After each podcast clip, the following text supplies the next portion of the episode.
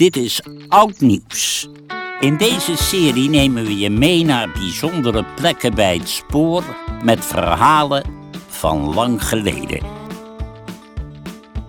Dit doen we aan de hand van voorwerpen die spoorbeheerder ProRail heeft gevonden bij de voorbereiding op werkzaamheden. On the road all the time. Where I go, baby, I don't mind. On the road each day and night. The behind. Ga mee naar het Tricht van toen en luister naar de aflevering De Déjà Vu van Tricht.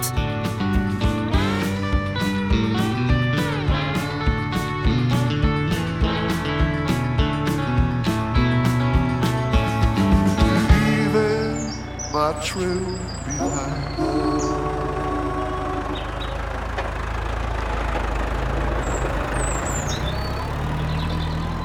We staan nu voor het eh, informatiebord. En achter je zie je de spoortunnel. En daar hebben we de opgraving uitgevoerd. En op de plek van de spoortunnel hebben we een huisplattegrond gevonden uit het laat Neolithicum. En een stuk van een bijl en uh, aardewerkscherven en kuilen. Ja, ik werk al bijna 15 jaar als veldarcheoloog. En dit is eigenlijk wel het oudste wat ik tot nu toe gevonden heb. Dus eh, dat maakt het ook bijzonder. Als je nu eh, langzaam afdaalt de tunnelbak in, dan daal je eigenlijk af in de tijd. Kom je straks op het niveau waarop we de vondsten hebben gedaan.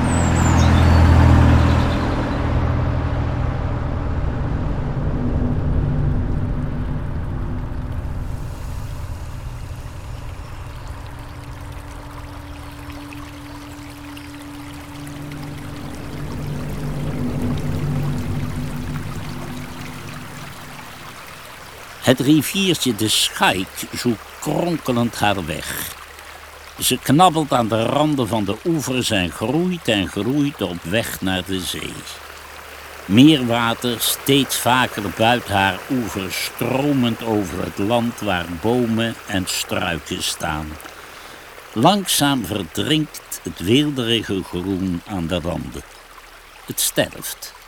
De boomstronken raken bedekt met zand en klei, alsof hier, 3600 jaar voor Christus, nooit een bos heeft gestaan. De rivier trekt haar plan, stromend en overstromend verlegt zij haar pad, totdat de plek waar u nu staat weer droog ligt.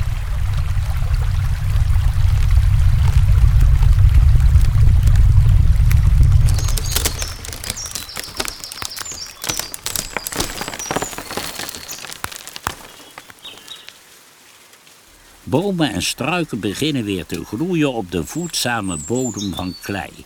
Ze bieden weer beschutting voor de ooit verdwenen vogels en dieren. Het is alsof hier 2200 voor Christus nooit een rivier is geweest.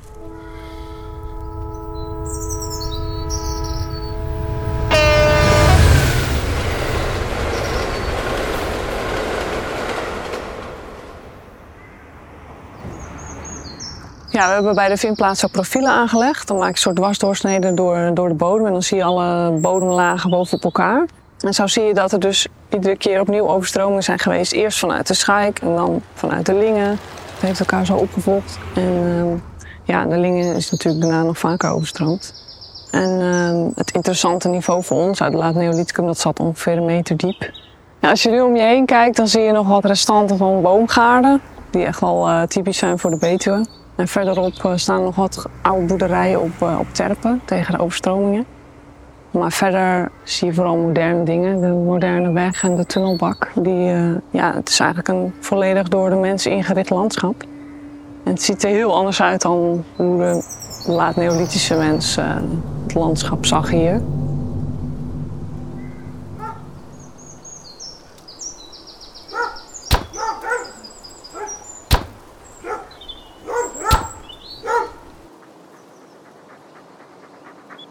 Kijk, daar zijn Alderik en zijn dochter Dana. Harde werkers. Met een zware stenen hamer slaan ze de takken die ze gisteren hebben gevonden in het bos in de kleigrond. Vanmiddag vlechten ze daar dunnere takken tussen, zodat de koeien op hun plek blijven staan. Het is koud deze morgen, maar door de arbeid en de opkomende zon verschijnen er toch al snel zweetdruppels op hun rode wangen. Nog vier palen, zegt Dana tegen haar oude vader. Die kijkt op van zijn werk, knikt en verzucht. Nog maar vier. Alderik heeft de sneeuw al vaak zien vallen, de bladeren zien verkleuren en de zomerzon op zijn huid gevoeld. Het zware werk gaat hem steeds moeizamer af. De zweetdruppels zakken nu gestaag naar beneden via zijn neus, kin en zijn grijze baard. Hou jij ze maar vast, pa, grijnt ze. Ik sla ze er wel in.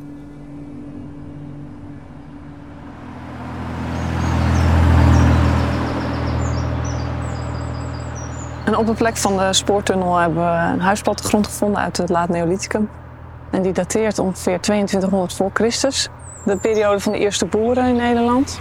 Daarvoor heb je het Mesolithicum en het Paleolithicum. Dat zijn periodes waarin jagers verzamelaars door het land trokken.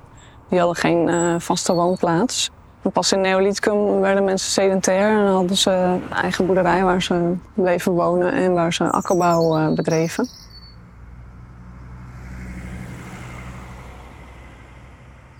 En uh, dat zie je dan als paalkuilen in het platte vlak in je opgraving. De paalkuil is eigenlijk de verkleuring in de bodem. De klei die, uh, waar de paal heeft gestaan, heeft een donkerdere kleur dan de klei eromheen. Het is mogelijk dat het een uh, boerderij is geweest met, met houten middenpalen en een vlechtwerkwand met klei er tegenaan en een, en een rieten dak. En we hebben heel veel kleine paalkuiltjes gevonden, dus kleine verkleuringen in de grond. Uh, dat zijn een soort staken geweest, dus hele dunne paaltjes die vanaf maaiveld zijn ingeslagen.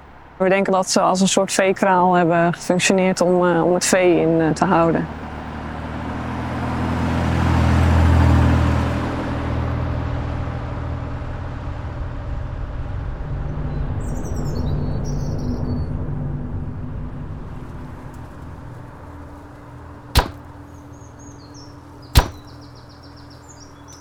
Na een paar doffe klappen staan nu ook de laatste palen in de grond. Keurig gedaan, meis, knikt Alderik terwijl hij over de rij palen uitkijkt.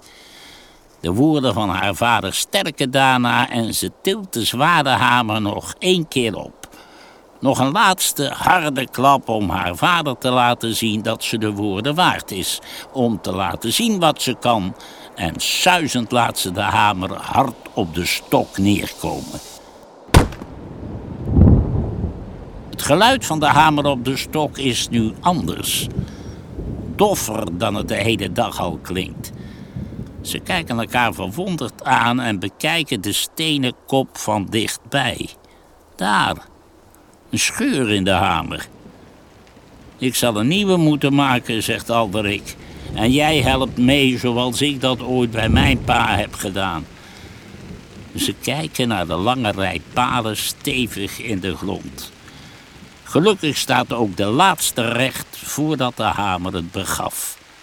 Demonstratief laat Aldrik de bijl nog één keer op de stok neerkomen en meteen breekt er een groot stuk steen van de bijl af. Daarna raapt het afgesprongen stuk steen op en werpt het schuldig en boos ver van zich af de struiken in. Echt sorry pap, ik wilde je laten zien dat... Alderik legt zijn hand op de schouder van zijn dochter. Kan gebeuren toch. Kijk wat er wel is gelukt vandaag. Daarna stopt met praten en beide kijken ze nu naar de lange rechte rij palen. Wees maar gewoon blij dat de laatste paal ook in de grond staat. Ja, de pijl is stuk gegaan in het gebruik en we hebben hem niet uh, compleet teruggevonden, dus een stuk af. Um, en men heeft hem gewoon weggegooid in een afvalkuil.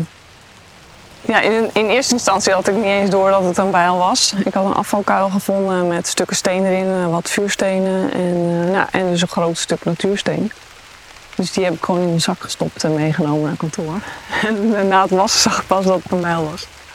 Dus uh, heel bijzonder. Zo'n bijl had twee kanten, een, uh, een botte kant aan de ene kant en de andere kant als een scherpe snede. Dus je kon hem voor meerdere doeleinden gebruiken.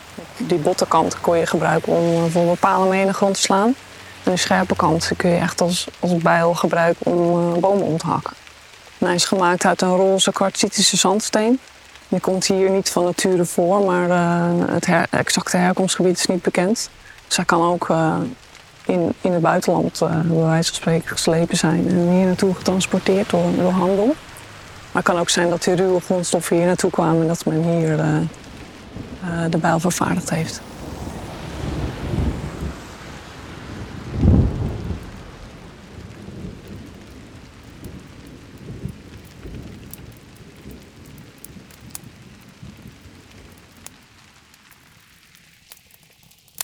De geur van brandend haardvuur uit de boerderij verderop hangt in de lucht. De rook van het vuur plakt in het voorbijgaan vast aan de stukken vis en vlees die boven het vuur hangen. De heerlijke lucht en de belofte van de smaak van vuur en rook doet de honger toenemen. Het water loopt dan ook in de mond bij de twee en doet hun magen knorren. Daarna kijkt vragend en Alderik knikt. Samen lopen ze over het uitgesleten pad naar huis. In de deuropening staat Mathilde te lachen om de rode gezichten van haar man en dochter. Ga jij even water halen, Makko, roept ze naar haar zoon. Ze zien eruit alsof ze dorst hebben. De jongen is net klaar met een ander klusje, het versieren van nieuwe potten van klei. Met zijn kleine vingernagels heeft hij kleine schuine streepjes gezet rondom. Ze zijn klaar om te drogen in de zon en later vandaag zullen hij en zijn moeder de potten gaan bakken. Kan ze dat zelf niet doen, zegt hij pruilend, maar de ogen van zijn moeder spreken boekdelen. En mokkend pakt hij de bekers van tafel om ze te gaan vullen.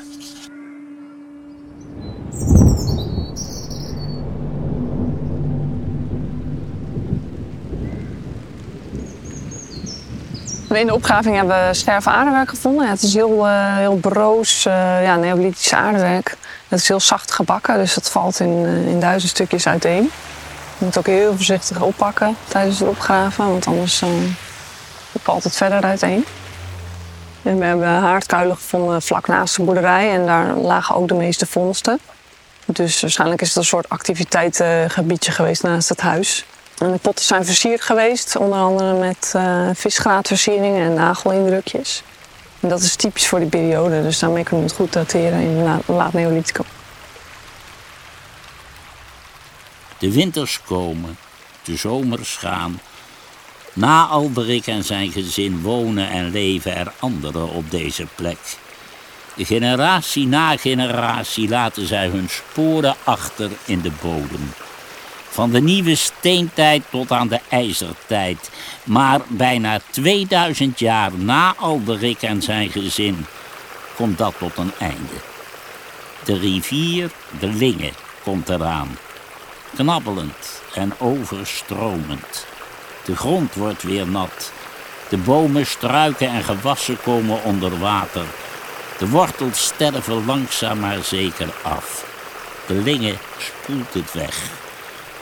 De resten van de boerderij, het hek, de kapotte hamer en het aardewerk worden bedekt onder een dikke laag klei, alsof hier nooit een boerderij heeft gestaan.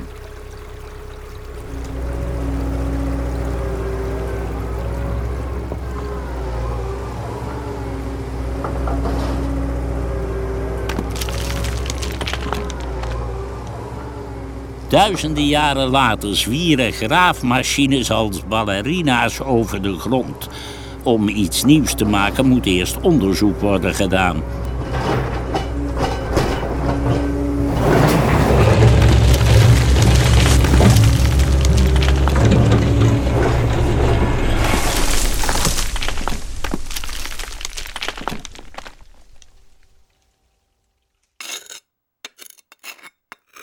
Archeologen duiken in de aarde en ontdekken de bedolven verhalen van weleer. Helemaal zeker weten doen ze het nooit, maar ze proberen te achterhalen wat hier ooit is geweest. De vondsten zijn als puzzelstukjes, kleine delen van een groter geheel.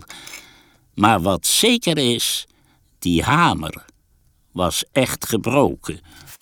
En het afgebroken deel is nog altijd niet teruggevonden. Je luisterde naar de déjà vu van Tricht. Een verhaal van visionair, ordinair en ProRail verteld door Joost Pritsen. Ga voor meer verhalen naar www.prorail.nl slash oudnieuws. Tot de volgende keer.